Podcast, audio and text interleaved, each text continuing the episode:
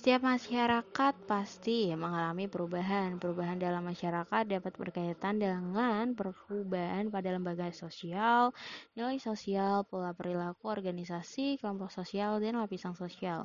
Perubahan yang terjadi di masyarakat dikenal juga dengan istilah perubahan sosial budaya. Apa sih yang dimaksud dengan perubahan sosial budaya? Menurut William Ockburn dalam LEM Study pada tahun 2011 berpendapat, berpendapat bahwasanya batasan ruang lingkup perubahan sosial budaya mencakup perubahan pada unsur kebudayaan, baik yang bersifat material maupun yang bersifat non-material, immaterial.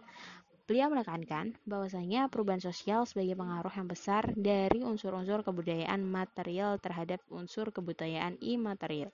Kecepatan perubahan sosial setiap masyarakat berbeda-beda, tergantung dari yang terbuka atau tidaknya suatu masyarakat masyarakat industri akan mengalami perubahan sosial yang lebih cepat.